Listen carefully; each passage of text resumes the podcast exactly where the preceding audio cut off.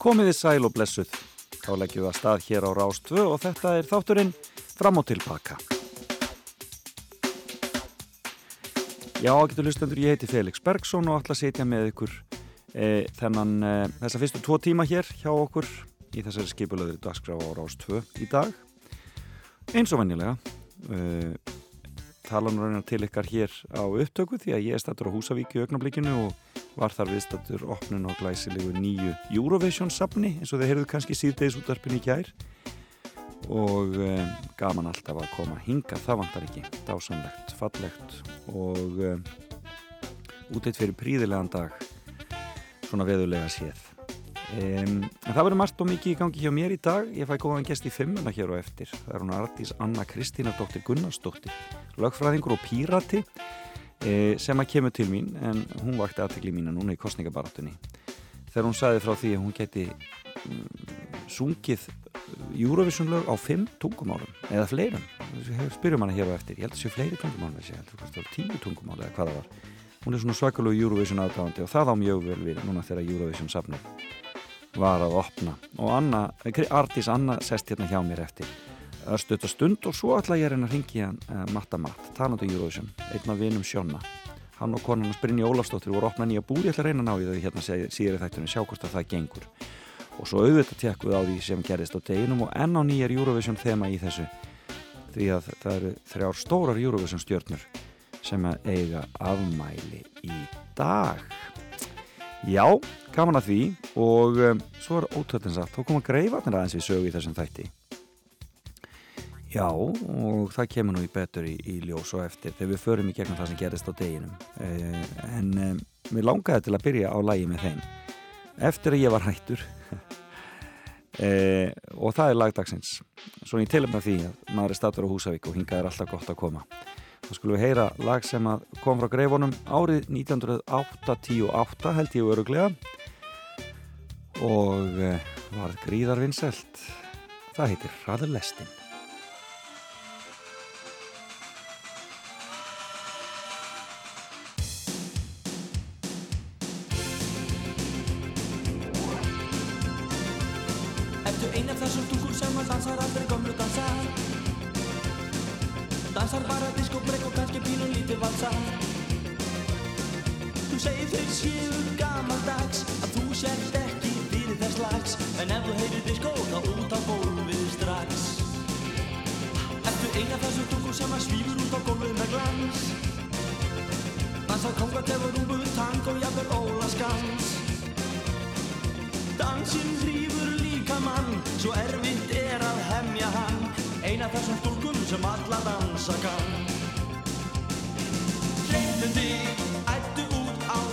Lestin Svona við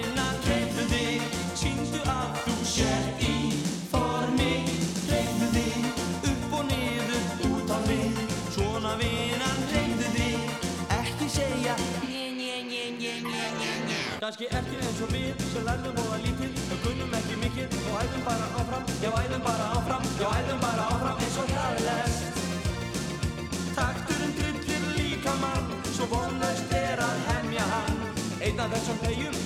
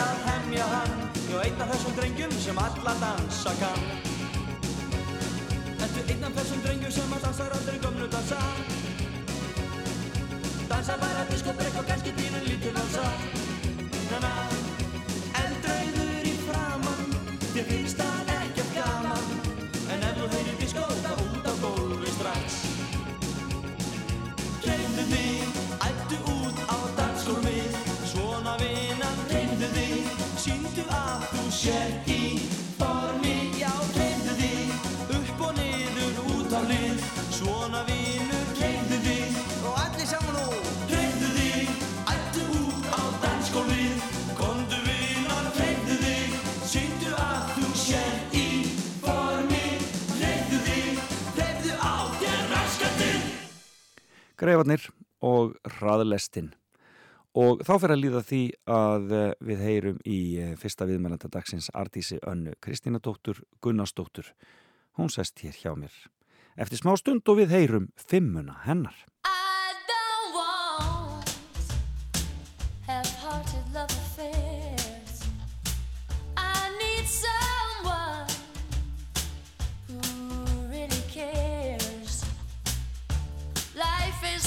Short to play silly games. I've promised myself I won't do that again. It's got to be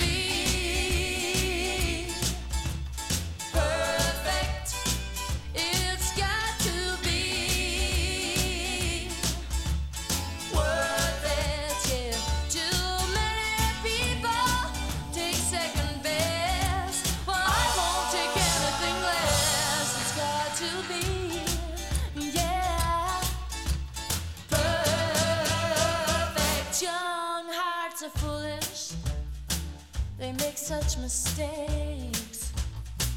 They're much too eager to give their love away. Well, I have been foolish too many times.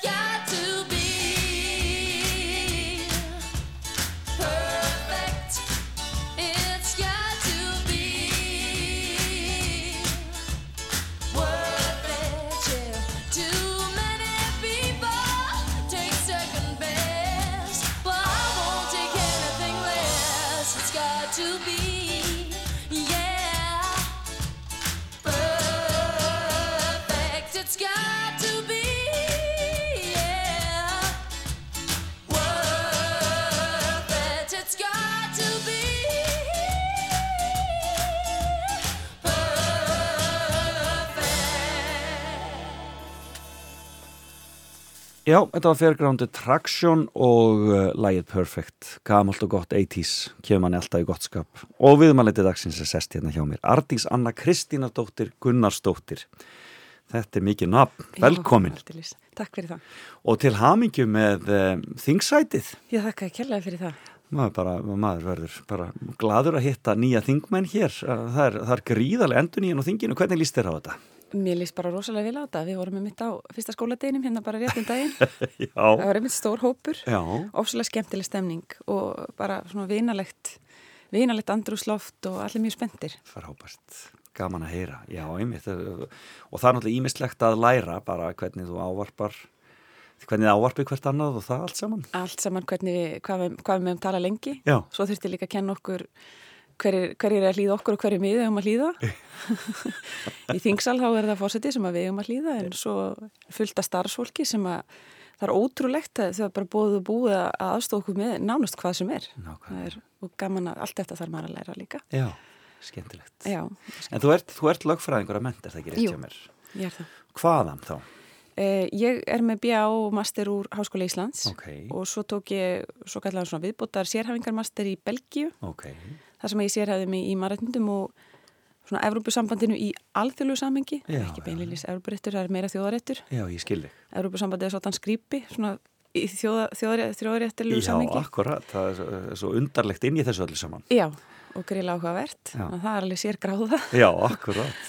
Og svo er ég nú, kláraði ég nú þrjú ár af dóttorsnámi sem að ég lauk ekki, eða hef ekki lokið ennþá, Nei, í Strasburg í Fraklandi. já, þannig að þú, en hefur það svona bak við eira að þú gætir einhvern tíðan klára það eða Já, sannarlega.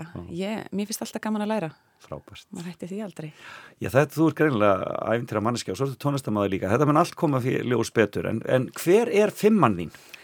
Fimmann mín, ég ákvaði að velja, ég hugsaði þetta mjög mikið og Já. ég ákvaði að velja þrjá, nei, fimm staði þar sem ég hef búið Já, sem að hafa mótað mig. sannarlega. hafa svona haft áhrif á mig. Staðirnir hafa sannarlega mikil áhrif á mann. Já, ég gera það. Það, og, Gera það. veginn og, og, og, og fólkið náttúrulega sem þar er. Akkurat. Og hvar byrjum við? Hvað er, hvað er fyrsti staðurinn? Uh, ég ætla bara að byrja á byrjuninni sem Já. að er Östubær Kópavóks. Austurberg Kópás, ég þú Já. er Kópásbúi. Ég er úr Kópavóinum, eða þess að, já, uppalinn þar að mestu leiti. Já, Þó ég hafi afrikað það að koma við í, í hérna, sex grunnskólum, nú. þá var ég samt í heil sex ár í sama grunnskólanum sem var deyrarni skóli í Kópavogi. Já.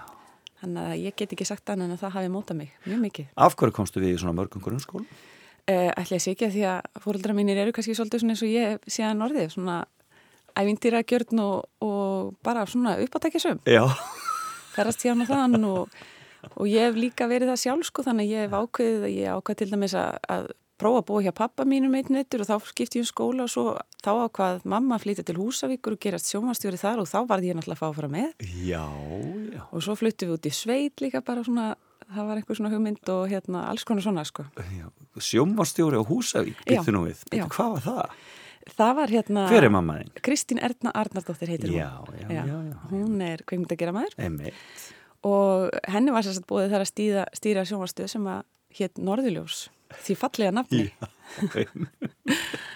og þetta er 97 Já, já, já. og þannig að ég flutti þá 15 ára og viðkvæmasta skeiði já. til Húsavíkur og það er nú þriðjistæðurinn sem ég ætla að nefna Já, einmitt, en við förum í þá eftir. En byrjum á kópáinum, byrjum í kópáinum. byrjum í góðbóinu Og hérna, en hvern- hvernig, hvernig leið þér þar?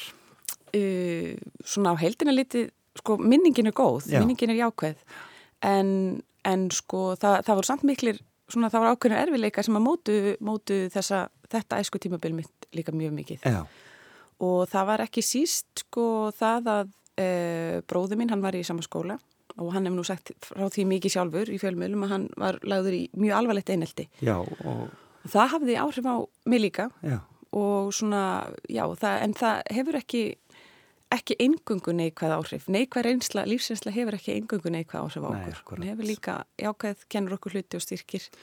er hann eldri en þú? Hann er tveimur árum eldri, ég Já. sérst tveimur skóla árum, eða 14 mánuðum eldri en tveimur skóla árum eldri. Og er þingmaður líka búin að vera? Já, hann var sérst að fara af þingi og þú kemur í staðinn, ég kem inn.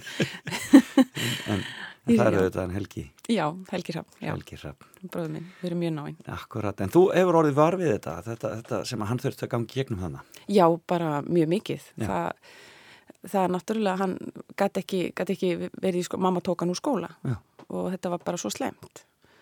Með þeim orðum bara, ég, ef þið get ekki passað upp á barnið mitt, þá verð ég bara að gera það sjálf. Það er bara svo leiðis. Já, og hann gæti ekki skiptu skóla alveg strax og hérna þá var hann bara, hann, hann var heima einhver tíma. Og, og það sannlega hafði áhrif að mig líka vegna þess að ég var í sama skóla Já. og börn eru alveg ferleg sko. Þetta hefur náttúrulega breyst í dag, það er bara miklu meiri meðvitund um ábyrð skólans og allra fullorðina í kringum bara til þess að kenna þeim að koma fram með svo manneskjur. Að því að sko þau vissu að ég væri sýstir hans Helga og það kom alveg svona niður á mér stundum líka. En aðteglisvert. Já, mjög áhugavert. Og það er svolítið áhugavert að, að hugsa svona, horfa svona 30 ára aftur í tíman og sjá sko aðgerraleysið Já, af hálfu fullorðinað og það var kannski svolítið þetta hugafara að fóreldrarnir bera ábyrðu uppbyldinu, við sjáum um kennsluna, þetta var ekki komið og ég man eftir sko það komið kennaranemar skilgrind held ég þannig á þeim tíma að ég hafi líka verið lögð í einelti, ég var Já. bara svo mikill hérna, ég var svo mikið Naglið þú. mikill nagli, ég sagði bara já ok, þá, verði ég bara ekkert ykkur, mér er bara alveg sama. En vissulega hafði það áhrif Já. og það komu kennaranemar, þarna er ég í sennilega fymtabekk komu tveir kennaranemar sem að voru að tala um þetta orð ein, einelti. Mhm. og það var deila bara nýtt orð. Og þær, og það var nú kannski svona klaufalegt af þeim, en þá er náttúrulega bara rannsóknir að byrja, þær báðum að fá að taka, taka mig í viðtal og fórum með mig, ég mann, við fórum með mig eitthvað upp á einhverja kennarastofu og, og spurði mig alls konar spurninga og það er bara ein spurning sem situr eftir í huganum, ég hugsa með mér, þetta er nú eitthvað sem að barnasálfræðinga myndi nú kannski ekki mæla með þetta. Já, hver er hún? Þau spurðu, spurðu mig, heldur að fóreldrar þínir elski þig eins og þú ert? og ég man eftir að hafa hugsað bara, ha, já, já, það held ég. Ég gerum bara fastverra. Ég svo bara, já, þú segir nokkuð. Já, akkurat.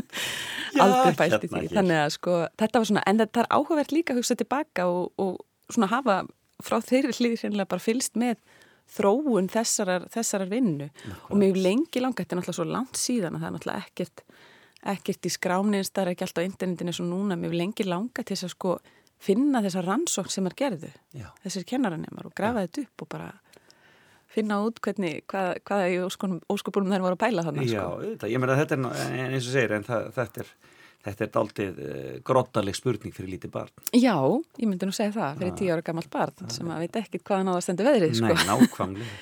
en þetta kannski samt var ekkit þetta, hérna, allir mér einhver sérstöku tráma, þetta Já. bara svona situr mér í minni en, en þetta, já, þessi tími í lífi mínu mótaði mér mjög mikið og Já.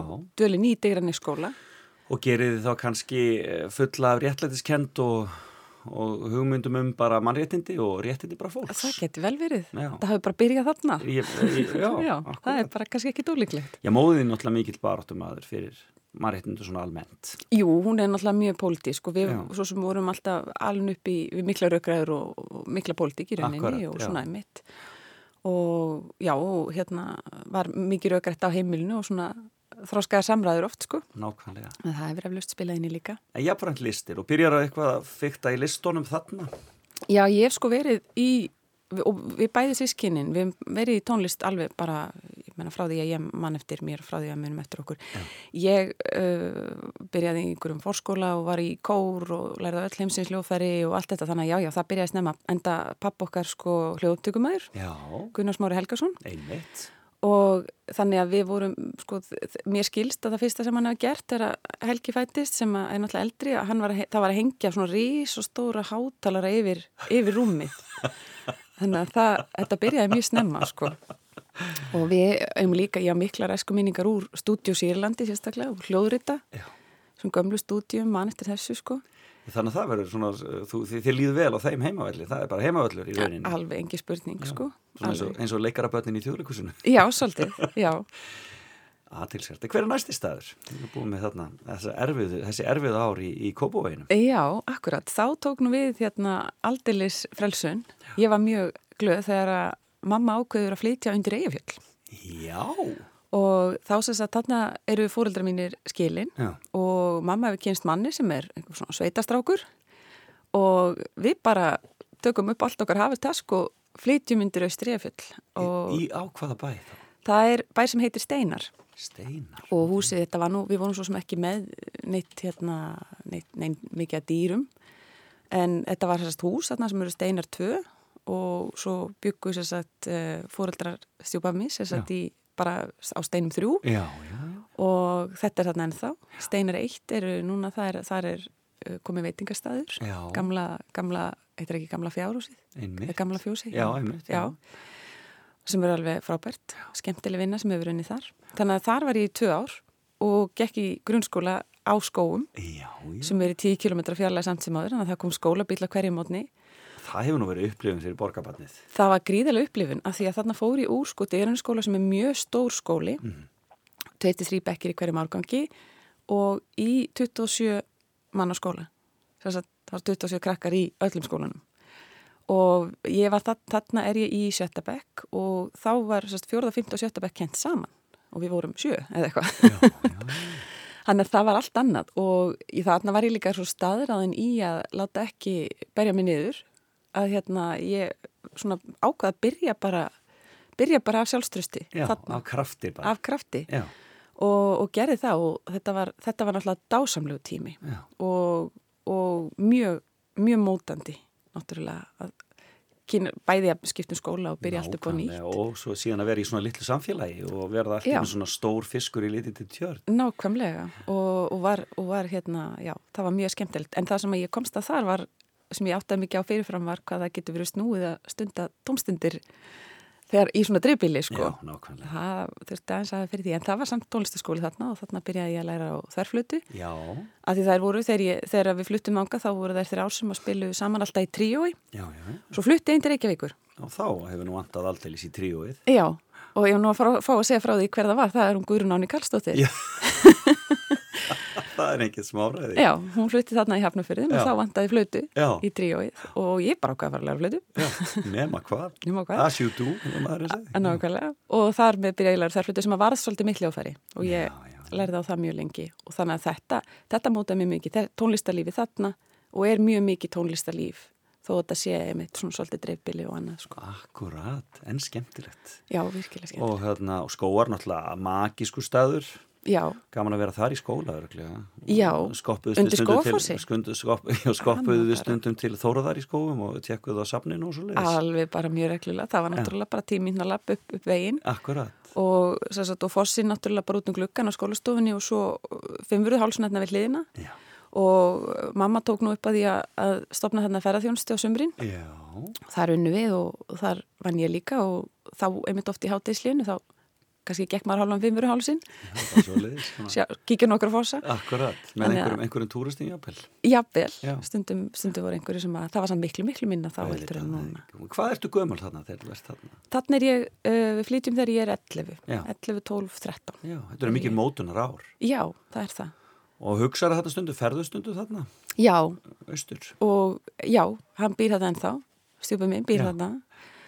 Og sagt í, í húsinu okkar, Já. í já. og það er alltaf, alltaf indislegt að fara mjög mikið að góðum minningum og náttúrulega yfir alveg ára bil þó við höfum svo sem bara búið þarna fullum stundum sko í tvö ár Já, akkurat. þá e, höfum við ennþá þessa tengingu þetta svæði sko og ég man ennþá hvað alla brýtnar þetta og allt. Og gott fyrir uh, nýjan þingmann og af höfuborgarsvæðin einmitt að hafa kynstaðins því að, að búið út á landi. Já, sannarlega, sannarlega sannarlega átt að sjá því að það er ekki það er ekki allt alveg eins og hérna á Malbygginu Nei, það er ekki alltaf hægt að hlaupa út í búð. Nei, nákvæmlega, allt, allt, allt, allt annað pælingar og Já. allt, allt, já, allt, allt aðri hluti sem skipta, skipta mestu máli. En upplifir þetta samfélag sem loka samfélag eða forpokað á einhvern máta eða svo leiðis? Uh, ég upplifði það aldrei. Mamma átti það til að töða og tassa yfir, yfir hinn og þessu, en samt ekki, sko, samt, uh, samt sko á ég bara minningar af einmitt, bara hressum samræðum í eldúsinu, sko, við sveitungana og hérna, og ég læri það nú kannski að mömmu minni að geta að tala við hvert sem er, sko, alveg sama, sko, þó, þó að sé ágreiningur og það Já. var, hérna, Það það er var allir eitthvað að segja og Það það, er í já, lagi. og það er í lagi og það er hægt að vera ósamála og jafnvel þræta og rífast og svo bara, svo bara höldum við áfram með spilið sko. Nákvæmlega. En nei, ég upplýði það alls ekki þannig. Ég upplýði þetta opið og opið samfélag og mér fannst ég vera velkomin. Mér finnst ég alltaf vera mjög velkomin þannig. En ég hjó eftir því, sko, í kostningabarátunni, mér fannst þetta nú svo skemmtilegt, þegar þú komst þarna fram og söngst Eurovision-lögin á þessum dögum. Er það þarna sem þú færði að fá áhuga á því að syngja Eurovision-lög á mismunandi tungumálum? Það er sennilega ennþá fyrr. Nú, hvað er þetta? Sko, fóreldra mín náttúrulega eru, sko, hérna, fóru mér sér til Rómar hérna og voru viðstutt þegar að Nína var flutt á sviði Já, árið 1991 upp með skjallast ekki. hafði þá pappiðin eitthvað verið að vinna í því eða svoleiðis eða? Uh, já, þau bæði. Já, ok. uh, þarna var mamma að vinna á rúf Ok, og uh, ég man eftir Eurovision partíum sko, sko, mér langar að segja frá því að gleðabankinu sko. og þó að, þó að sé kannski.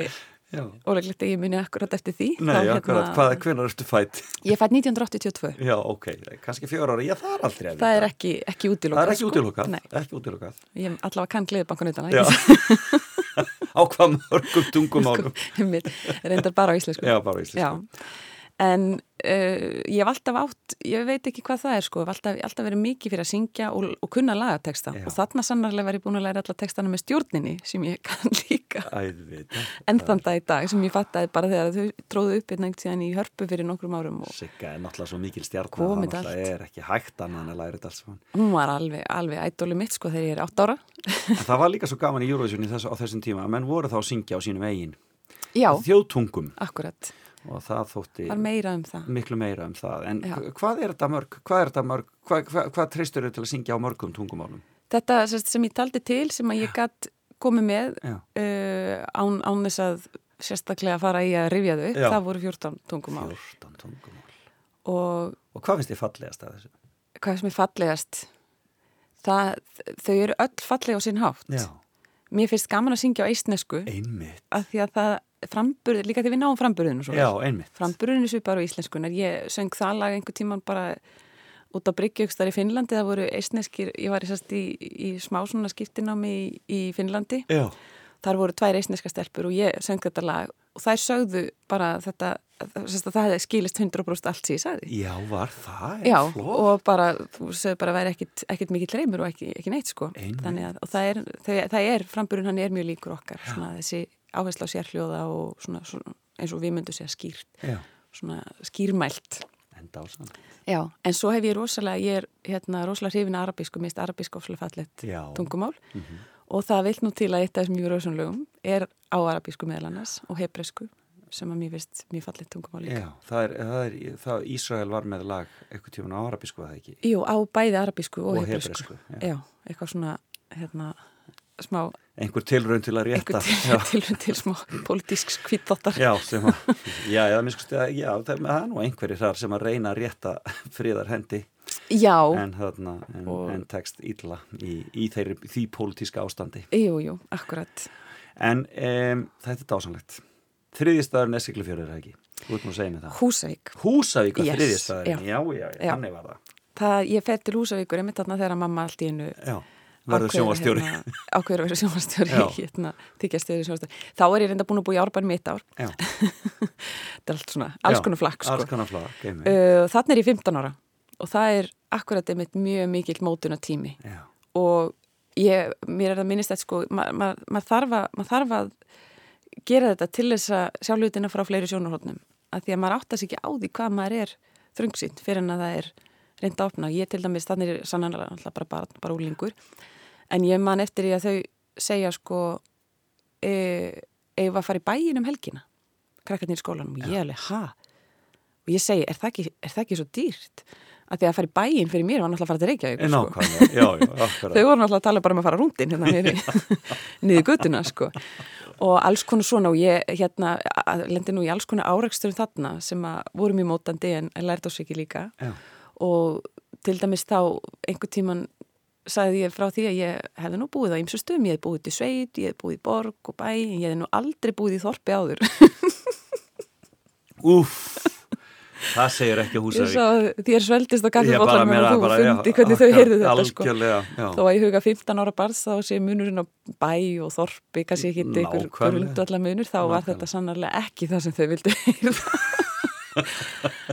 og ég lærði þetta, ég lærði, ímislegt Já, sko. akkurat, hratt og öruglega Rætt og örglega. Var þarna bara í hálft ár, en það er samt, sko, þetta er samt einn af þeim tímum sem hefur mótum einna mest. Og það var aftur opbúslega mikið tónlist. Já, og eins og við vitum, Húsavík er mikil, mikil tónlistabær, tónlistathorp og þá til dæmis þannig í nýjendabekk og, og hafði gaman að syngja. Og ég strax spurði, viltu vera með í söngbekk? Já, já, Ég eitthvað söngbekk, hvað er það að tala um? Þá var bara, gæti ég bara að fara að læra söng. Þá voru þess að uh, nokkra stúlkur að læra söng, bara klassískan söng. Og að því að, það, eru- að þetta er svona, maður er enn á fyrstu stigum, söngnámsins, þá voru við þrjár saman. já, já. Þannig að þarna byrjaði ég að læra söng. Og það var bara á skólatíma, bara í skólanum. Tónlistin á mig svo ofsalega innvinklað í, Í allt annað af því það er bara hluti af lífinu, hluti af öllu. En dásanlega já, og þarna og svo spilaði ég uh, undir í hérna einu lagi í söng, söngakefni í framhaldsskóluna sem að var einmitt, þau húsavík hefur alltaf verið sterk í henni Akkurat. og svo keppni var, alltaf bara fórkeppnin það var alveg sko þrý fjóri sem að hefur þurft að fara áfram en það er alltaf bara að fara einhver einn Akkurat, það er alltaf þannig. Já, já. þannig að það, það var alltaf, það er svona alltaf, alltaf fylgi tónlistin mér Já, sko ævintýrlegt. já, Og það eh, leiður okkur að læginu sem við ætlum að taka hérna meðan við tökum okkur smá pásu. Við erum búið með þrjá staði, við erum búið með Östubæni Kóbói, við erum búið með þarna, Steina undir Eyjafjöllum já, og svo erum við búið með Húsavík. En nú er það grúskapa búska sem Já. er ævintýri sem að þú tókst þátt í að stopna á sínum tíma. já Þetta lag Fram sem við ætlum að spila, hvað getur sagt mér um það? Uh, ég get sagt að það er frá þeim tíma þegar ég var ennþá í hljónstinni ég er nefnilega ekki verið ekki með síðustu ár því ég er svo upptíkin við alls konar hluti Já. en fyrst ég samt alltaf eiga stóran hluta náttúrulega við stopnum þetta saman ég og Guðrún Birna og Harpa Fönn. Og, uh, og Harpa er enda þarna mikil, mikil hérna, tannhjóli, hún er algjörlega hún er, hún er vélinn sem hefur haldið þessu gangandi allan tíman Allan tíman, já. og uh, þetta lag, já uh, hvað get ég sagt um þetta? Er eitt af okkar fyrstu lögum, þetta er af okkar fyrstu Og 2015 þetta er það ekki rétt hjá mér? Uh, úf, ég er bara hreinlega búin að gleyma hvernig platan kom út. Já, Þetta er ennlega allt unni á, á, svona lengur tíma og er alltaf að þróast sko. En þetta lag var, fannst mér alltaf einna skemmtilegast að, að hérna flytja á sviði og var skemmtilegt. Og alltaf mikið drama í okkur á sviði sko. Ég vona að það skili sér í upptökunni. Við vonum það. Hér fram með grúsku babúsku.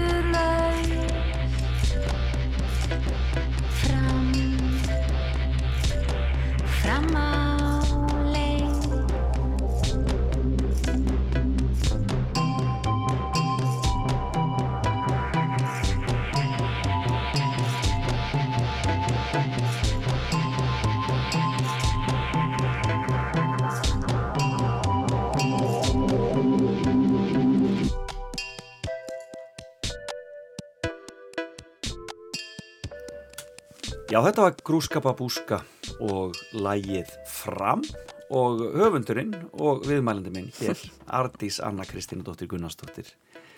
Þetta vekur nú góðar minningar, er það ekki, að heyra þetta? Gríðarlega góða minningar. Við þykir alveg ægilega væntum all, allt sem við höfum gert saman, grúskapabúska. Já, þú sagði mér með vorum að hlusta að það var svona það sem þið, hérna, vilduð að fólk segði var hérna, það hefði aldrei heyrt neitt svona áður. Já, og það skipti engu máli hvort að það væri jákvæmt en neikvæmt, sko. bara, það, bara það hefði ekki, væri ekki, væri engu líkt. En ferðuðist þið eitthvað með tónlistin og svolítið fóruð þið eitthvað? Já, já, já. Við fórum tvísvar í tónleikaferðalag til Breitlands Já.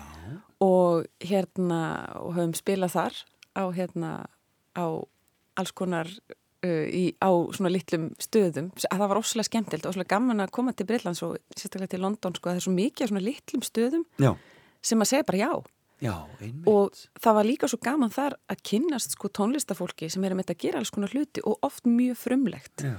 ekki, ekki alltaf það sama sko. Ekki alltaf þetta mainstream sko, Nei, þvert á móti og mjög skemmtilegt. Mikið í gangi, mikið svona uh, grassrót eitthvað staði kemur þetta, eitthvað, það eitthvað staði byrjar, þú veist, eh, það sem þeir síðan hafa fram að færa. Það þarf grassrótina til að búa til. Algjörlega og það er náttúrulega það sem við er svo, er svo ríkt hérna á Íslandi Já. En er, ekkit, er ekki sjálfgefið? Nei, og er erfitt að finna, það var mikið þarna. Og við spilum til dæmis í fyrsta, fyrstu tónleikaferðalægin okkar þannig og spilum við í Glastonbury. Já. á bara einhverjum litlum sætum pub. Sem var æðislegt, en það var nú til þess að við myndum þarna tengsl við bæinn. Og ég var reyndar hætt þegar það spiluð á finn þetta. þannig að það Þú er nú nagið aðeins í handabökin þá. Eh, nei, ég bara, ég, hjarta mitt er alltaf með þeim. Já. Ég er alltaf, hérna, alltaf með þeim í anda. Og þú komin annað bara. Já, ég er alltaf svo, það er alltaf, ég er alltaf að gera 30 hluti í einu, sko. Og það er alltaf einhvern veginn að vera að velja og hafna, sko. Fjóruði staðurinn. Fjörðistæðurinn er Ítalía. Já. Já, Hvað, ég, hvað gerist þar? Fóstu í uh, skiptinám eða? já, 17 ára fór þessi skiptir einmitt til Ítalíu. Já. Hvaða mentaskóla varst í þá? Ég var í Vestló Já, já. og það er einmitt svo fyndið, sko, að ég uh, sagt, kláraði eitt ári Vestló og fór svo til Ítalíu fyrir skiptinni mig, kom svo tilbaka gati ekki fyrir mitt litla líf muna akkur í óskopunum ég hef valið Vestló hvað í óskopunum er ég að gera hér? En þá var að því ég bara breytist svo mikið. Bara, þetta er náttúrulega líka mitt á mótuna tíma og ég veit ekki, ég get ekki sagt nákvæmlega hvað það var en þarna bara, það breytist algjörlega mín lífsín og svo sagt, ástæðan fyrir það yfirjast upp fyrir mig síðar ég hefði valið Vestló vegna þess að ég ætlaði að verða rík Já, það var svo leiðis. Já, ég bara ætlaði að, það var bara hérna, það var bara karriérsmarkmið mitt, ég ætlaði að verða rík og ég var búin að komast þeirra niðurstöð til þess að verða rík þá þurfti maður að verða verkfræðingur og maður þurfti að kunna viðskipti og ég ætlaði að fara í Vestló, ég ætlaði að verða verkfræðingur og ég ætlaði að verða rík. Og viðskipti, já, og kunna viðskiptin. Vel gert, en, það, en þetta gekk ekki eftir. Hvað gerist þarna á Ítalíu? Hvar varst á Ítalíu? ég var í litlum bæ sem heitir uh, Rieti, litlum bæ, hann er fi- 50.000 manns. Og hann er sagt- bara? Já, Þorp, er sem sagt eh, alveg miðbúndurinn á Ítalíu. Það er torg þarna sem heitir Centro d'Italia Það er bara bara já. landafræðilega miðjan á Ítalíu. Það er bara svo leiðis. Já, og þetta er svona einn og hálf tími frá Róm og er í Lazio. Og sagt, það sem er kannski sérstætt við hennar bæ er að sko svona efnarslega til hann svolítið norðrinu, það er ekki mikil fátækt þarna uh, en menningarlega til er svolítið suðrinu. Já, og fólk, að því það er svolítið svona, ég ætla ekki að segja rígur, það er svolítið svona menningamunur norður og já, já. og fólki þarna á svæðinu er mjög dökti yfirlitum, þau eru allir með svart ár og svart augu og ég var ljósarða stelpan, það vissu allir hver ég var. Og Ítalir eru þannig að sko að þið vita hverju varst að heilsa þér. En skemmtilegt. þetta var indislegt, þannig að ég var alltaf eitthvað að labba og þú getur alltaf að vera að heilsa mér og ég bara, hvað, hvað þá bara, þau eru bara svo vinalega þau eru svo opinn og það er hérna það var indislegt og þar lærði ég ítölsku. Og, og svo náttúrulega bara það að vera svona fjarrri öllum sínum tengslum, öllu sínu umhverjum, algjörlega tekin út úr öllu svo þekkir. Og þeir eru bara að droppa alveg einum inn í eitthvað alveg nýtt sem að þú þarft að gera svo aðalast, það er ekkit að fara aðalast hér.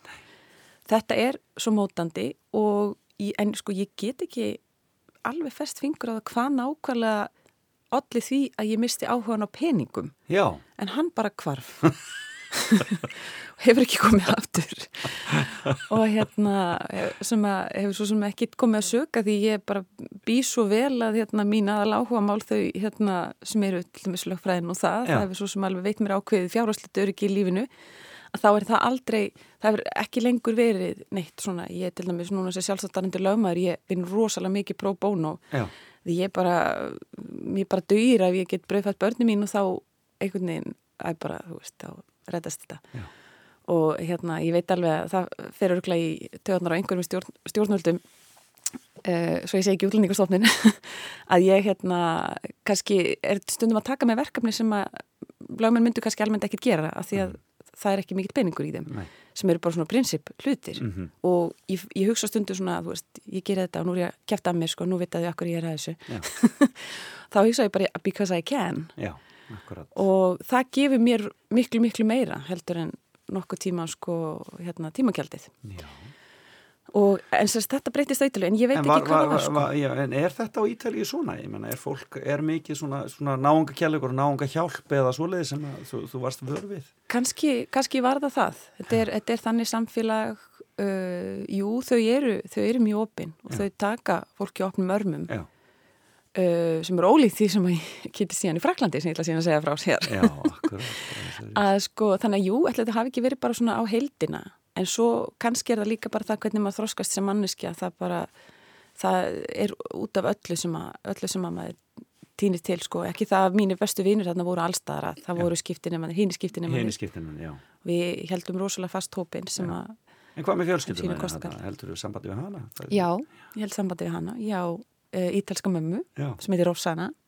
og tvær ítalska systur sem heita Elisa og Delia uh, og það, það var, já, það var mikið æfintýri og ég er enda kannski ekki mjög miklum tengslum við þær en held, held tengslum við þær og kalla þær sýstu mínar. Ég segi oft ítalska sýstu mín, fólk verður óringlað því að ég er ekki svo ekki nógu mikið að sýstur fyrir já, ég, síðan á ég fyrir mísliska sýstur líka sko. Þannig að fólk alveg hafi byrju hvað er þetta að tala um? Þannig að jú, ég hérna og það er sannarlega, ég hef ekki komið ángað í mörg mörg ár. En það væri mjög gaman að koma aftur Já, og, og svona já Stór hluta mér. Eurovision. Í Júrvæsson, mæ nákvæmlega það frá nákvæmlega, Torino.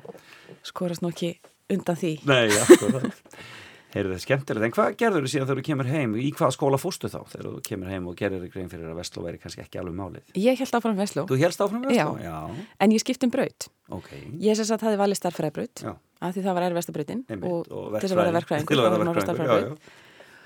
Og ég kláraði svo sem annað árið á starffræðbraut svona hérna rétt, rétt náðu því. Já, með herkjum. að því að hérna það var svona kannski svolítið ástriðan fyrir því farin. Og fluttum yfir á alþjóðabraut. Já, já, já. uh, og það var svolítið skondið því að það voru margir sem upplýði það þannig sko, maður að fara á starffræðbraut yfir á alþjóðabraut, já ok þú, hún er að gefast upp sko. Já, og fekk mörg svona krútleg pepp komment tengd því sko í fjóðubækjabókina mína sem að maður skrifa svona einhver heilræði og en þá náttúrulega bara var það ekkit, ástæðan sko. Ég hef alltaf bæði, bæði þá og reyndar kannski ekki alveg í dag ég var alltaf verið mjög sterk í raungrinum sko. En hérna úr slakari í sko lestragreinum, sögu og slíku sko sem að maður þarf að muna ártölu og nöfn og eitthvað svona, ég hef ekki gott með það sko. En það segi ég það sko, ef að lögfræði er utanbókalærdamur þá væri ég ekki lögfræðingur. Nei, akkurat. Það er gott að hafa bækurnar til að geta flett upp. í. já, og það er ekkert sest, það að kunna lögfræði snýst að kunna að, að lesa hana og tólka hana á beitinni en ekki, að- Nákvæmlega. ekki, að- ekki að Að fletta upp læra hana utan að, akkurat. sko. nákvæmlega, akkurat. þannig að ég held áfram í Vesló og ég kláraði Vesló á Alþjóðabraut Já, og fórst svo í lögfræðina. já, svo fór ég lögfræðina í Háskóla Íslands Og ertu þá fann að brenna fyrir mannréttind málunum? já, mjög mikið og var ekki viss hvort ég ætti að velja lögfræði eða stjórnmálafræði Mm og valdi lögfræði að því að mér skildist á maður erfiðari og þá væri ég með svona backuplan ef að það gengi ekki upp en bara algjörlega hitlaðist Getur alltaf orðið rík og nefndir. nákvæmlega alltaf mögulegt. alltaf mögulegt Heyrðu þið fymti staðurinn? Fymti staðurinn er Frakland Já, hvar í Og- Fraklandi? ég bjó í Strasburg Það er nú sérstök borg, eða ekki? það er mjög sérstök borg það er heimili mannreitinda Dónstórs Európu Æmi, til dæmis en líka bara gríðarlega falleg borg. Uh, hún er sagt allur miðbærin sem að afmarkast af svona síki, minnst þetta svo ljótt orð síki, já, þetta er svona, þetta er kanal Já, já, akkurat. ég sé alltaf áina því mista bara fallera uh, og allur miðbærin er UNESCO sagt, bara friða, hún er bara friðið og hún er svo falleg og maður sér það mitt sko. Hún er líka svolítið þýsk, er það ekki? jú, þetta er hluti af Alsace. Já, sem hefur til skiptis í gegnum söguna tilheyrt Þískaland og Fraklandi Já, og, og þarna er tölu, þess að svona eldra fólk talar dialekt sem heitir Bralsasian sem er hljómar í, eins og þíska og er svona, ég held alltaf að það væri þísku skotin franska en það er meira öfugt sko. Já, og það var gaman að fylgjast með því til dæmis að fyrstu jóli mín þann úti þá var Ísland, er alltaf jólamarkaður hérna á hverju ári sem er algjör upplifun bara ef þið viljið upplifa jólin eins og einhverjum jólabíómyndum þá bara farið til Strasburgar í aðdraðanda jóla. markaði þetta er svo dásamlegt sko. Og þá, þess að fyrstu jóli mín þá vildi ég svo til að Ísland var gestaland, var, hafði verið sérstaklega búðið og þannig að ég var að hugsa um eitt þarna bás fyrir hérna eitt íslenskt fyrirtæki. Tók það bara mér, ég bjóð þarna og, og frökkunum fannst það svo skríti þau þessu, ha, hvert þú á jólamarkanum ég sagði, ég, með, ég er að sjá með eitt svona bás og hvert að gera sagði, ég er selja servietur og kerti og eitthvað en ertu ekki lögfræðingur? og ég bara eitthvað, ha? Jú. Jú, hvað kemur það málnu við? að sko, það var stein, það var rosa skrítið Já, sko. ég skildi vera bara eitthvað að selja kert og servietur en það var indislegt, það var líka svo gaman að kynnast og þá kom oftar en einu sinni uh, kannski uh, eldri kona og, og svona 20 árum yngri kona og fyrir mér, þegar ég hlusta á þær ég, þarna var ég ekki búin að læra fransku það var eins og önnur þeirra að vera að tala fransku hinn var að tala makk. og þær töluðu saman. Þá voru að var eldri að tala Alsacian og þá dóttirinn sennilega, tala fransku móti þannig að þau skil, skildu hvort annað. Eða sikkert tungumáli sko. þannig að það er vissulega mikið um matar, matar menningir anda líka svolítið er svona, svona hérna, bacon og Og þú er ekki getað að hugsa að vera þarna áfram bara? ég hef alveg getað að hugsa með það. Já. Ég elska Strasburg þó að ég hef ekki bondað mjög vel í frakkana. Nei, hvað var það í frakkana? Uh, sko, fransk menning er hérna, það náttúrulega, ég ætla nú alltaf, er kannski veilins að tala með einstaklinga, það er náttúrulega rundatekningar öllu Auðvitað, já. og heil þjóði náttúrulega ekki, ekki öll eins, en svona menningin er ekki mjög velkoming, Feðraveldið mjög stærst í Fraklandi. mjög stert og það er rosalega mikil stjættaskipting og svona, bara stjætt, bara sko, svona valdaskipting. Og Ég- þetta er svona, já, mjög hýrargerað samfélag. Já, og öll samskipti, ég stundu líst í þannig öll samskipti, jafnvel bara úr að kaupa eitthvað í bakarínu eru svona valdabarata nákvæmlega. og sko þú þarft að beigja þig undir þann sem hefur valdi Segja hérna- bonjour. ef þú segir ekki, sko bara byrja á að Akkúrat, ef þú segir að- ekki bonjour ef- þá getur þú glemt að fá að etikettan- ef að etikettan er ekki rétt þá bara fer allt í höng sko. Já, og hún það líka vera sko rétt í samræmi við Já. valdastöðuna ef að manneskjan sem þú ert að tala við hefur eitthvað sem að þú vilt fá það er mjög áhugavert að fylgjast með þessu þá þarf þú að algjörlega beigja þig niður og bara í rauninni vera eins og, eins og þjóttn og þræll og, og hérna alveg. Á meðan hún getur komið fram við því að því sem að við myndum kalla vanveringu Já, þó þú sért að þéra það er öskrað á mann þérandi. Það er ekkit kurtist sérstaklega mínum að Nei. Og hérna þannig að það, þetta, er svona, þetta er svolítið erfið kultúr sérstaklega komið þegar maður er frá Íslandi sem allir er svona jafnir og við erum ekkert já. að bæla ykkur svona daginn Nákvæmlega, ok, sko, já, eða takk eða, bara heyrðu. Eða bara heyrðu. Með sko í bóðhætti ertu með salt, áttu salt handa mér? Já og svo mér er gaman að segja útlendingu frá því þegar spyrja hvernig segir please? á íslensku. Ég segi við segjum það nú eiginlega ekki en við erum með eitt please sem er hérna gerðu það sem er eiginlega bóðháttur og þýðir sko do it. Það er okkar please. Er okkar þú ert að segja please. það með röddu. Já, en það er bara, það er samt mjög það er samt. En þetta er, ég er aðeins upplifinu, sko, maður hefur verið að fara til Fraklands að þau sé í ákveðnum vandræðum, ég var að lesa aðeins svona franska skáldsögur og slíkt og það er eins og það sé svona, það, einmitt þessi stjætskipning og þessi, það er svona eins og samfélagi sé komið í, í daldið, í daldið öngstræti eitthvað neginn og þessi gríðalegu mótmæli, þessi gríðalega reyði og, ég held að það hefur bara verið svona svolítið lengi. Já, ég rakst á hérna auðlýsingaskilti hérna, sem að lísti þessu mikið fyrir mér bara eftir að við búin að vera nokkra vikur. Þá var að það var auðlýsing frá einhverju fjármálafyrirtæki. Já, myndin er af manni sem er svona tvískipt og, og hárgræslan á hann vörum megin er eins og frá 18 og eitthvað á hinum megin í dag. Já, og undirstendur á fransku á 200 árum hefur allt breyst nema gildin okkar. Akkurat. ég hugsaði með mér og, og þetta er eitthvað sem þið er að það stæri ykkur af. Ég haldið því að það sé jákvæmt Akkurat, 200 árum hefur Já, að þannig að þetta halda fast í svona og sko þetta og einmitt þessi reyði og þessi mótmæli þú veist, þegar tala um mótmæli og alltaf allir rosa sjokkar er er mótmæli þá er ég bara eitthvað á, æ, þú veist þau á vinnustöðum fara þau í verkvall bara því að, ég veit ekki að því að þau vilja fá fyrir myndur lengri. Já. akkurat. og þetta er svona þeirra góð-túlaust en hún er svolítið vegna þess að all, öll mál eru list með einhverju svona valda baráttu Já, akkurat. einhverju svona, einhverju svona stríði sko. Og að því það er ekki, það er ekki svo hjá okkur sko þetta samtal og að finna lausnir sko þau eru meira fyrir það að flækja hlutin og búti vandamálun og svona. Áhugavert. en hérna þetta er samt uh, mér þykir samt væntum frækland Svona, þetta, er svona, þetta verður svona, svona ástarhatus samband svolítið, að, að, segja að það sé hatus að meira svona að maður sér ímislegt sem að maður gæti hugsa sér að, að færi betur Svona- sambandi. kallaði kannski áskoranir Já, áskoranir. áskoranir. Og talandum áskoranir nú, bara hefst nýja lífið þitt í, sem alþingismæður. Já, Þú ert nú búin að fylgjast með Helga Hrafni í Jú. þessari, í þessu, og, en, en, en mamma ykkar hefur alltaf verið samfylkingakona já og er og er, og bara í uppstillingar um samfélgingar og allt sko akkurat á, þannig að það er bara, en, en það er þannig og að það stuttur, mín var á lista á samfélgingunni Þannig að það- konuna selga þannig að það stuttur vegur hérna á milli. Já, já, það geta stundu verið hress fjölskyldum að það búið Já, sko er það ekki. En það er sannlega ekkit langur vegur málöfnilega séð. Nei. Það er náttúrulega munurinn á þessum flokkum fælst rosalega mikið í vinnubröðunum og síninni á hvernig bara stjórnmál eiga virka Já, yfir höfuð já. Og svona kannski þessum áherslum sko. Þannig að en svona málöfnilega þá er kannski bara mjög margt sem við um sammeðilegt. Já, Þannig að ég hlakka til að vinna með þeim á þingi, segi það bara svo Og leys. kannski öllum sem þarna eru. Já, algjörlega. Það, þetta bara, ég er mjög spennt. Hver, hver verða þín stórumál? Er það ég, útlendingamálin er náttúrulega svolítið hjartansmál hjá mér og svo, þá sérstaklega náttúrulega staða flóta fólks en bara þetta, þetta fólksflutninga issue bara eins, og, bara eins og það leggur sig sko.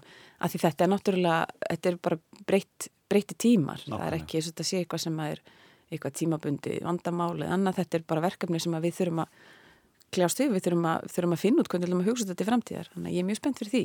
Nákvæmlega. og, en ég vissulega fleiri, fleiri líka, stjórnarskráin. Briljant, það er margt sem er framöndan hérna og við fylgjumst spennt með störfum þínum, Ardi Sanna, en um, þetta, voru, þetta var fimmaðinn, Kópóður, Östubærin, Steinar undir Eyjafjöllum, það var uh, Þorpið fyrir Norðan, Húsavík og það var, uh, hvað heiti bærin á Ítalíu aftur? uh, Rieti Rieti. Já. Rieti á Ítalíu sem er akkurat í miðunni og svo er það Strasbourg í Fraklandi. yes. Kæra þakki fyrir komuna Ardís Anna Kristína Dóttir Gunnarsdóttir, gaman að Takk fyrir bóðið og gaman sumuleiðis. Takk fyrir mig.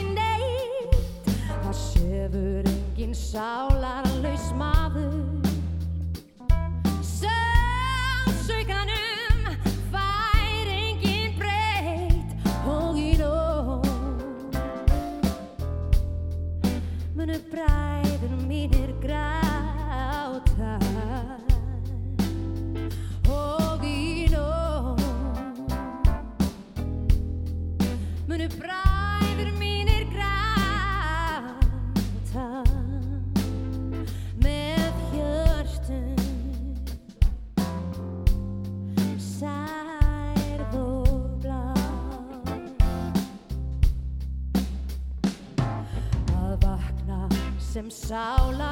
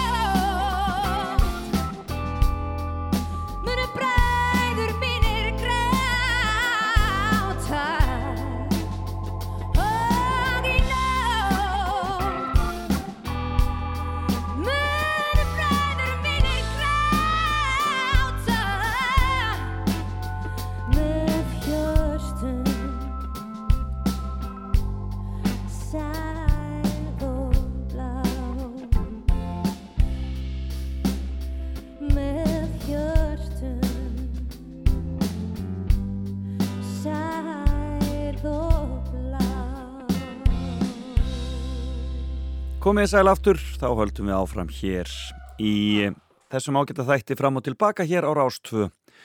Ég heiti Felix Bergsson og eh, alltaf ég er bljúft að sitja með ykkur á lögðars morgni. Artís Anna Kristínardóttir Gunnarsdóttir var gestur minn í morgun í fimmunni. E, dásanlega gaman að hitta hana, nýkjörinn þingmaður fyrir Pírata, e, þingmaður fyrir okkur reykvikinga og e, hafði frá mörgu að segja. Og fimmann hennar voru staðir Kópavógur, Östurbærin þar sem hún átti ljúfar enn erfiðar líka minningar e, Steinar undir Eyjafjöllum e, Húsavík og Ítalía, það var bærin Rieti á Ítalíu og svo Strasburg í Fraklandi og þið getið fundið viðtalið við hana Ardísi Önnu. Á öllum veitum þegar þessum þætti líkur En hér á eftir ætla ég aðeins að ræða það sem gerist á deginum og svo síður í þættunum ætla ég að ringja út í bæ og heyri honum matta matt. Mattiasi Mattiasinni, stórsöngvara, hann og konan hans Brynja Ólastóttir voru að opna e, nýja búð sem að heitir Náttúrurúm eða Natural Matt og e, er á grensasveginum. Spennandi að heyra því hvað Matti ætlar að gera í framtíðinni. Já, en ég er að tala um það sem gerast á deginum og e, einn af þeim sem á ammali í dag er konan sem var að syngja hér fyrir okkur, það er hún Jóhanna Guðrún. E, og eh, flutti þarna Læjans Bubba Sumar konur að stakri snilt hefur ekki miklu aðtegli, hún er frábær söngkona og tók náttúrulega þátt í Eurovision á sínum tíma og gerði það nú aldeilis gott, varði í öðru sæti í Moskvu þarna á sínum tíma. En það eru fleiri Eurovision stjórnum sem eiga amal í dag og eh, eigum við ekki bara að heyra í fleirum, við skulum byrja á þessum, þetta eru tvíburar frá Írlandi. Þeir eru fætti 1991, kalla sér Jedward og eru ægilega vinsælin meðal Eurovision aðdáðanda. Hafa nú ekki svona náða að, að komast almenlega inn í, inn í meginströymin en, en reyna mikið og hér er lag sem þeir voru með, já hvort það var ekki bara reynlega 2012, það heitir Waterline.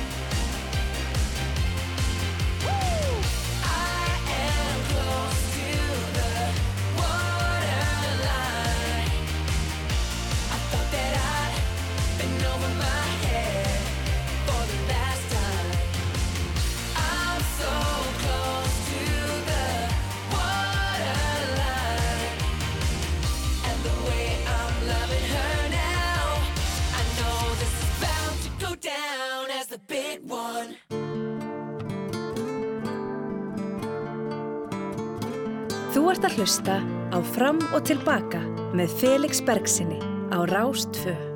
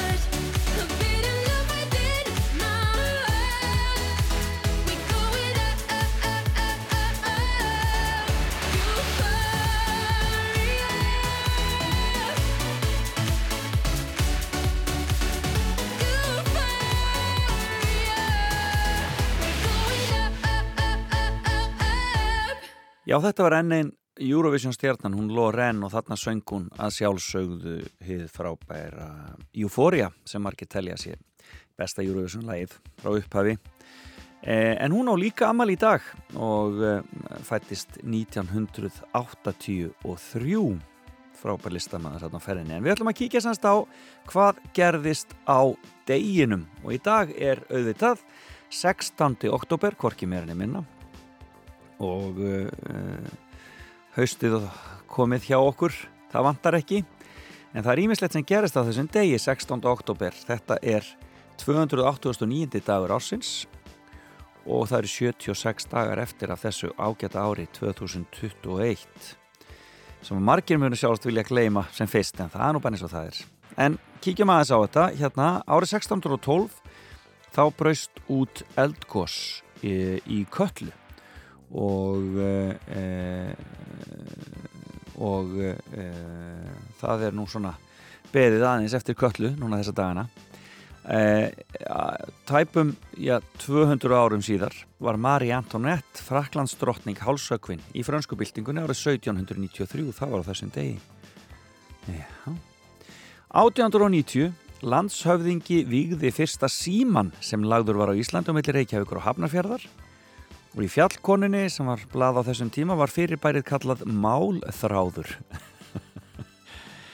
og ekki mörgum árin síðar eða 12 árin síðar árið 1902 var landakotspítali tekin í notkun en hann var reistur og reikin af samt í Jósef Sistrum og var algjör bylting á þeim tíma sem hann kemur.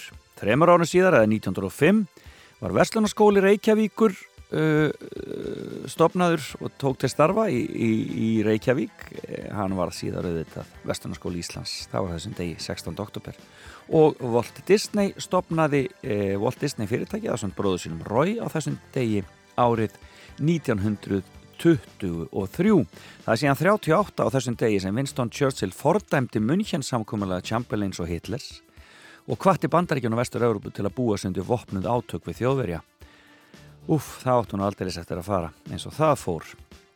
Talandum það þá voru helstu sakbörningar í Nürnberg réttarhöldunum líflatnir á þessum degi árið 1946 sem sagt 8 árum síðar.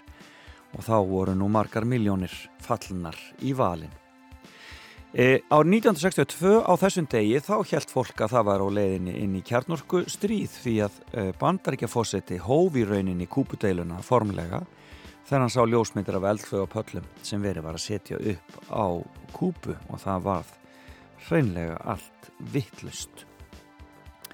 Já, þetta er það ímislegt sem að, að gerist, gerðist á þessum degi og árið 1995 var miljónagangan farin í bandaríkjum þegar þeldu ekki bandaríkjumenn e, e, gengu til Washington DC til að mótmæla e, stöðu sinni og, og eru enn að mótmæla því að þetta er náttúrulega alveg fáránlegt hvað þetta gengur hægt e, í bandaríkjunum.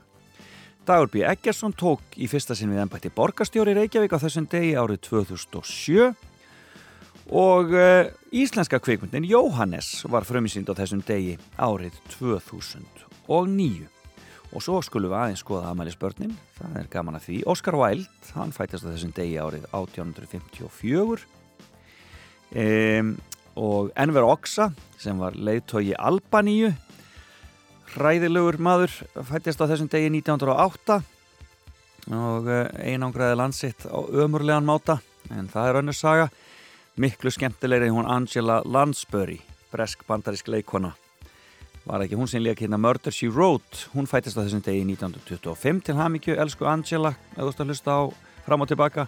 Og Gunter Grass e, þýski reytöfundurinn, hann fættist á þessum degi 1927, annar frábær reytöfundur Guðbergur Bergson fættist á þessum degi og á amal í dag fættur 1932 og Ástaragnhjöður Jóhannesdóttir Íslenskur plötusnúður og stjórnmálamaður, hún fættist á þessum degi árið 1949. John Mayer, bandarísku tónlistamaður, fættist á þessum degi 77 og svo var ég búin að tala um þau þarna, Loren, Jóhannu Guðrúnu og Jedward. Og e, ef við e, kíkjum aðeins á döðsvöllin, já þá var þetta frægasta þarna, Marie Antoinette árið 1793 og hún ekki varð hún gömul blessum, ég sínst hún hafa vorið 38 ára gömul Já, það getur verið erfitt að vera kongur eða drottning sérstaklega ef maður kemur ekki nógu vel fram við þegnana en um, ég sagði ykkur áðan að Jóhannes hefur verið fremstundu þessum degi og er ekki bara komið tíma að spila annað greifalag í þessum þætti en þarna syngjaði nú með þeim Latti og Stefán Karl Stefánsson blessu sér minni kanns og fleiri leikarar úr þessari ágætu kveikmynd. Rifjum upp lagið um Jóhannes.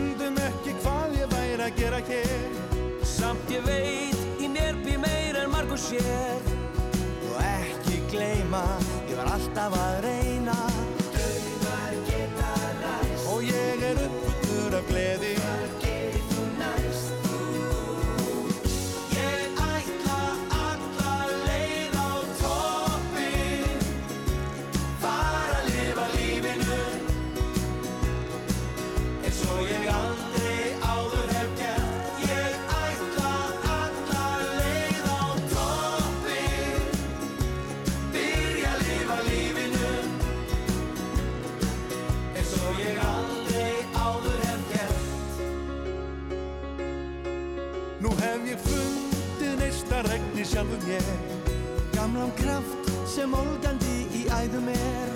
Það er gott að finna að hann er ennþá hér. Og ekki gleyma, ég er alltaf að reyna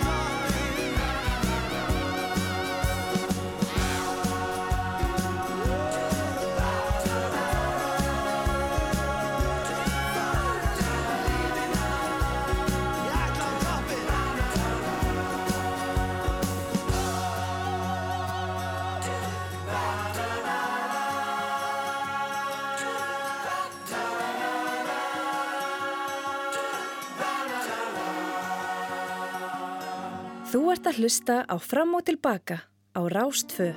A while ago I heard the sound of children's laughter. Now it's quiet so I guess they left the park. This wooden bench is getting harder by the hour. The sun is going down, it's getting dark. I realize I'm cold, the rain begins to pour. As I watch the windows on the second floor lights are on, it's time to go. It's time at last to let him know.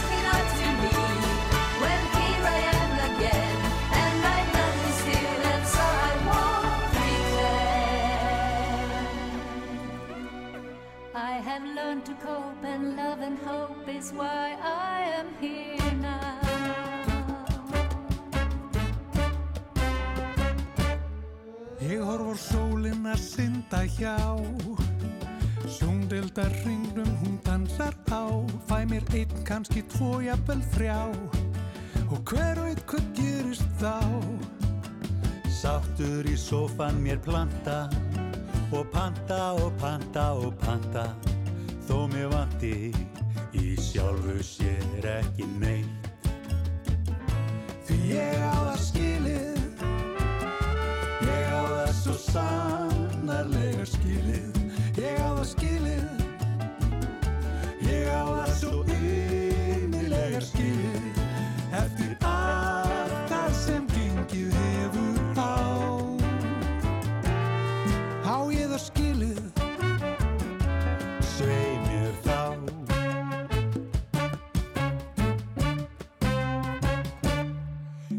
ætla að grilla mér stórefli streik og stela svo aðeins út í reik ég ætla að blanda mér bananaskeik og bræða á framlengdan leik. Ég ætla að skjótast til tenni að taka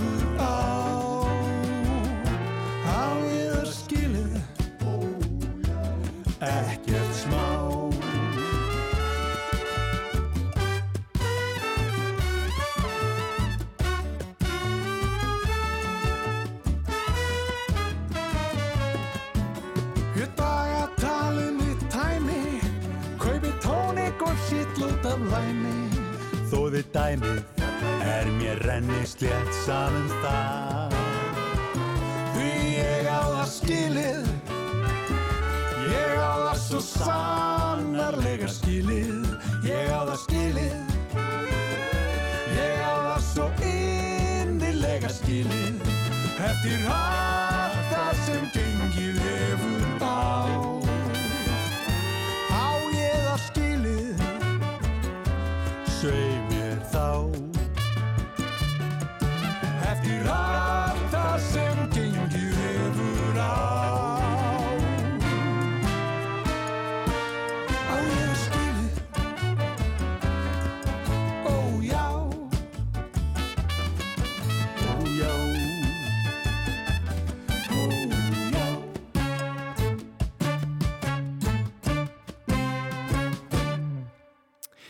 Já, það voru bakarútsmenn og nýja lagi þeirra.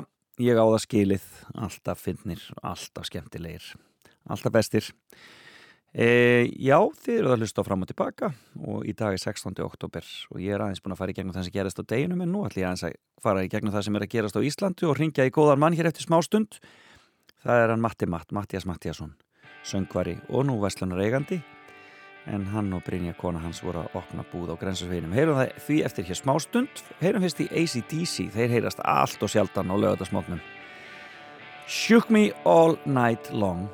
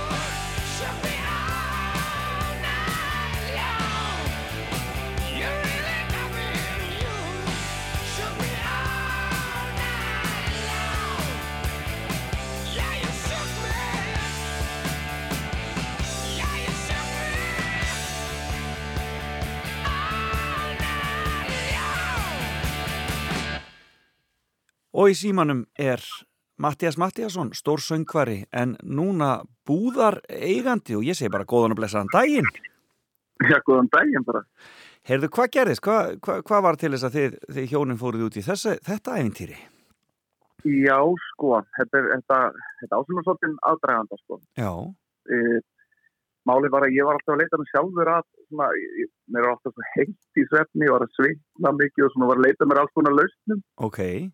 Og endaði á að, hérna, kaupa mér svona þykka ullardínu frá fyrirtæki í Breitlandi Ok, og bara það er ekki flóknari það, ég hef bara ekki svitnað í svefni síðan. Já, það er bara svolítið. Þá fórst að hugsa, hérna, hugsa um það að- hvort að þú ættir að fara að leifa öðrum að njóta í rauninni.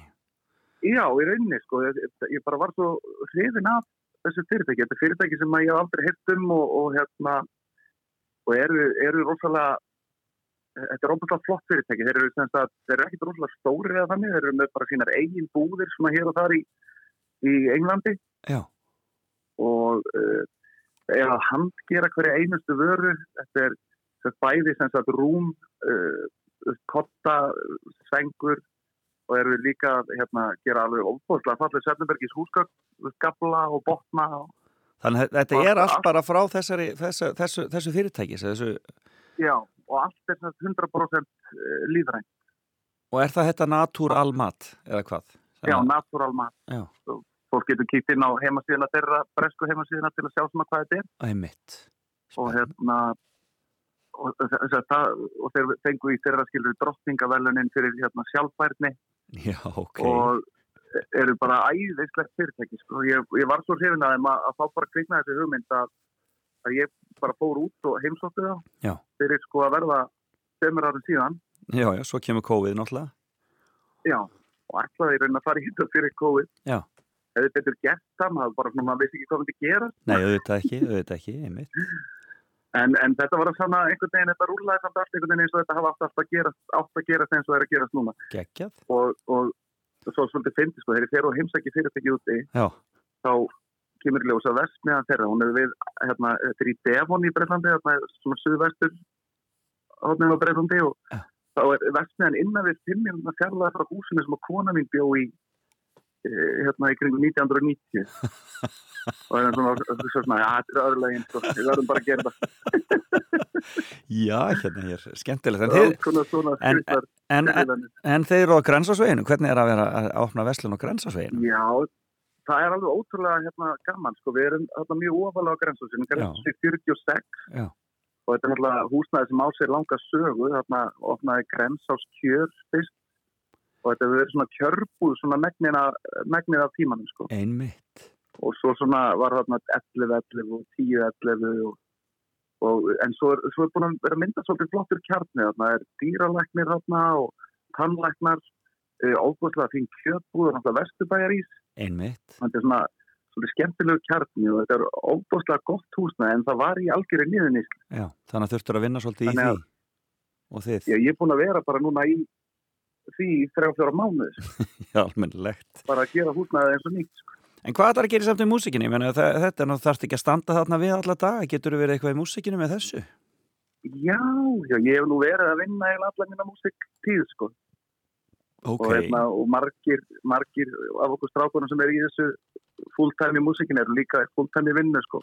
já, en, en jú, það var komið svona tímabil þar sem maður hérna, þurfti að hætta í dagvinni sko, þegar papar voru på sitt besta ásluðið já, en hérna, ég held alveg áfram í músikinni og, og kannski einbætti mér aðeins meira af svona tónleikum og, og þannig þessum sko, Já. heldur en akkurat kannski að vera að vera ekki staðar að ferðast um allt landi í einhverja harki sko, já, en, Já, en veist, að að sjálfsög er þetta náttúrulega hluta því að, að vera að starta þessu er að svona, ég sé mikið fyrir mig sko langt yfir 50 með kassagítarinn í einhverjum engapartíum sko, já, það er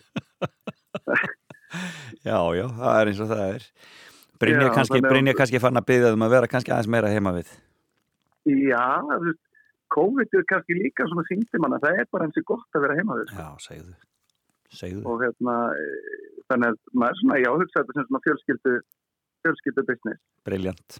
Ég veist sem að Já. margir aðdæðandur eftir að le- leggja leysin í natural mat eða Já, það er náttúru, útrúlega gaman við, náttúrurúm, náttúrurúm heitir já, þetta ná- þetta, þetta heitir, sko fyrirtæki heitir Náttúrurúm Já. og hérna og e, það er ótrúlega gaman, við opnuðum svona, myndi ég segja svona soft opnun núna í síðustu viku sko, við erum að vinna í húsnaðu svona en það er opið. Og bara það er búið að streyma af fólk, þetta er búið að vera mjög skemmtilegt sko. En gaman. og e, það er svolítið gaman líka, þetta er svona e, eins og við erum að græja búðina þá að vera svolítið upplifun að koma og skoða rúm. Já, veist, fólk þarf að hérna, leggja meiri vinnu í að skoða rúmin og hérna og það er svona hugmyndin, hugmyndin frá þessu fyrirtæki í, í London og, og við erum með svona meira private þess að það er svona, þú, við hefur meira næði til að prófa rúmin hjá okkur heldur en í margum öðrum búðum þannig að að fólk áttur að hérna- koma bara og leggja sig hérna hjá okkur. Það er Þú veist, semast, það er bara allt í lægi sko. við bara mælum með því sko. Veistu, það sem að það gerir nefnilega er að Já. fólk kemur og velur sér rétt rúm já, þú meinar það, já. það ítir ekki bara nefanum í eitthvað rúm og segir þetta er fínt þú veist, það kemur og leggst slakar á og hefur það gott í smá stundum hjá okkur sko. Matti, ég kem til þér næstu hugu, fæ mér vesturbærís og kem svo og leggst upp í rúm hjá þér og, og hérna hefða hugulegt. Er ég lægi Maður vitt svo hjá grilli hjá kjöttbúðinni innilega til hamngi með þetta, ég byrði kærlega að hilsa Brynju og takið þetta með trompi. Gangi ykkur vel, ég gaman að heyri í þér, bless, bless. bless, bless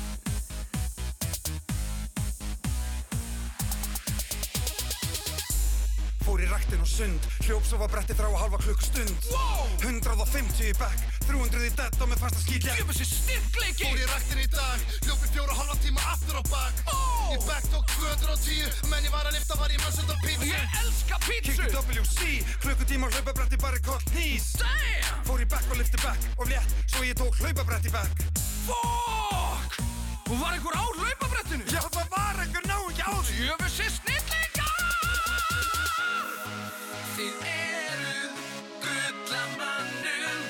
Góðar sögur líkti vel falleg bros. Þetta kvöld er besta kvöld lífs míns. Góðir fellar, flottar konur, kætti floss Þið eruð gullamannum Góðar sögur líkti vel falleg bros.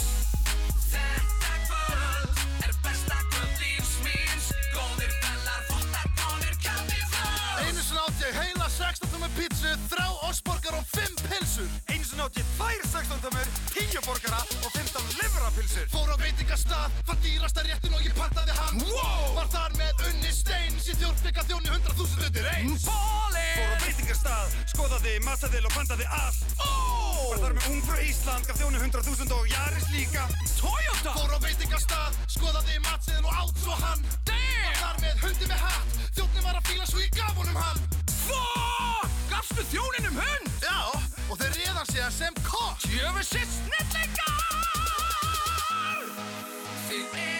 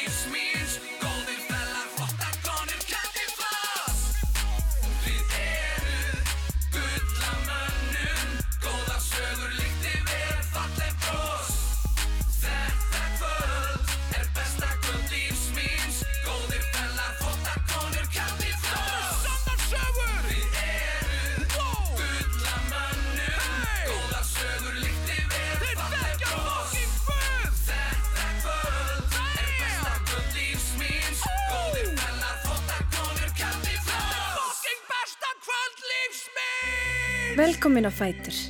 Fram og tilbaka á Rás 2. I hate the winter, can't stand the cold. I tend to cancel all the plans. But when the heat comes, something takes a hold. Can I kick it? Yeah, I can. My cheeks in hot color, overripe peaches. Shirt, no shoes, only my features. My boy behind me, he's taking pictures. Lead the boys and girls onto the beaches. Come on, come I'll tell you my secrets. I'm kinda like a prettier Jesus.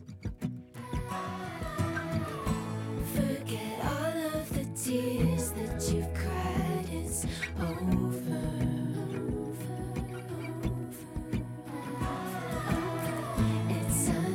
State of mind. Are you coming, my baby? Acid green, aquamarine. The girls are dancing in the sand. And I throw my cellular device in the water. Can you reach me?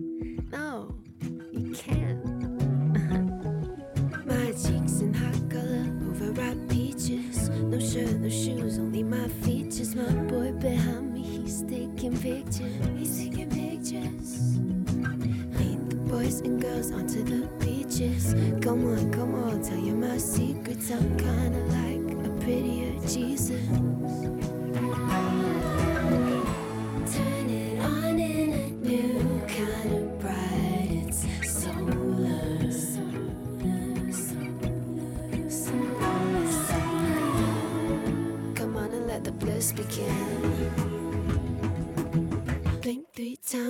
Feel it kicking in. That's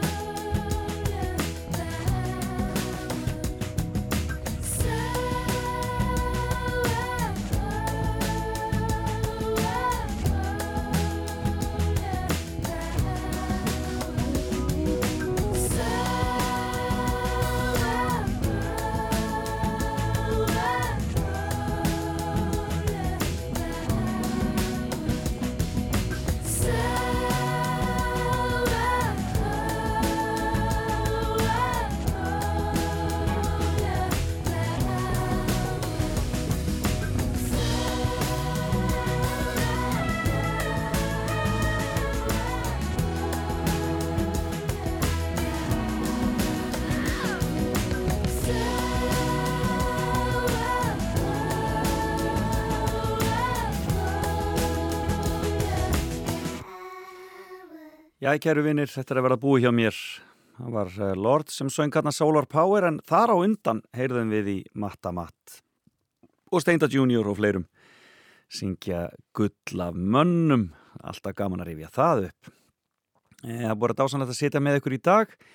Viðmælendur mínir í dag, já, Mattias Mattiasson eh, var hérna í símanum og svo var það hún Ardís Anna Kristína dóttir Gunnarsdóttir sem að kom til mín e, og e, fór með okkur í gegnum fimmuna sína og gaman að heyra hana hjá henni. Fimm staðir sem að hafa mótað hana e, í gegnum í gegnum æfina og e, hér á Rástöð verður allt eins og e, að það á að vera. E, Salka Sól kemur hér e, að loknum þessum þætti og e, fylgir ykkur e, e, fylgir ykkur e, fram að hátægisfréttum þá er það allir það ekki með honum alla og svo tónlistin e, klukkan fjögur sem hún Helga Margrit Öskursdóttir og í lagalistanum í kvöld er e, gestur Lovísu, leikarin og leiðsögumadurinn Valdimar Örn Flýjering hann hefur nú verið gestur minn hér líka í fram og tilbaka. En e, við skulum enda þetta á e, óðunum til Húsavíkur sem þau syngja í Eurovision myndinni Þetta er hún Mali Sandén og lægi sem var tilnænt til Óskarsvælununa og ég þakka ykkur fyrir samfélgin í dag og hlakka til að vera með ykkur aftur í næstu viku og þá kýlum við vonandi á fyrir þetta geturinn. En takk fyrir í dag. Bless, bless. All by myself With this great big world before me But it's all for someone else I've tried and tried again to let you know just where my heart is, to tell the truth and not pretend. All I needed was to get up.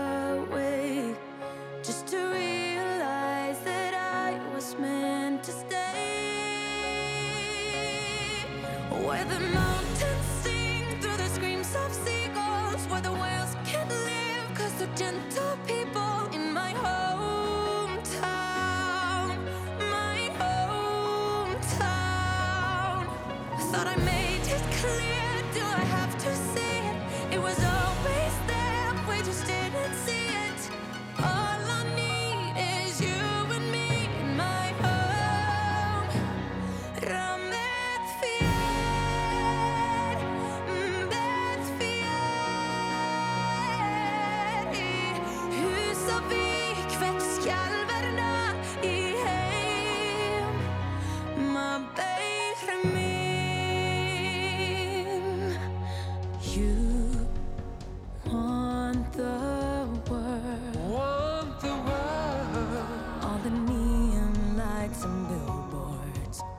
seen to be heard.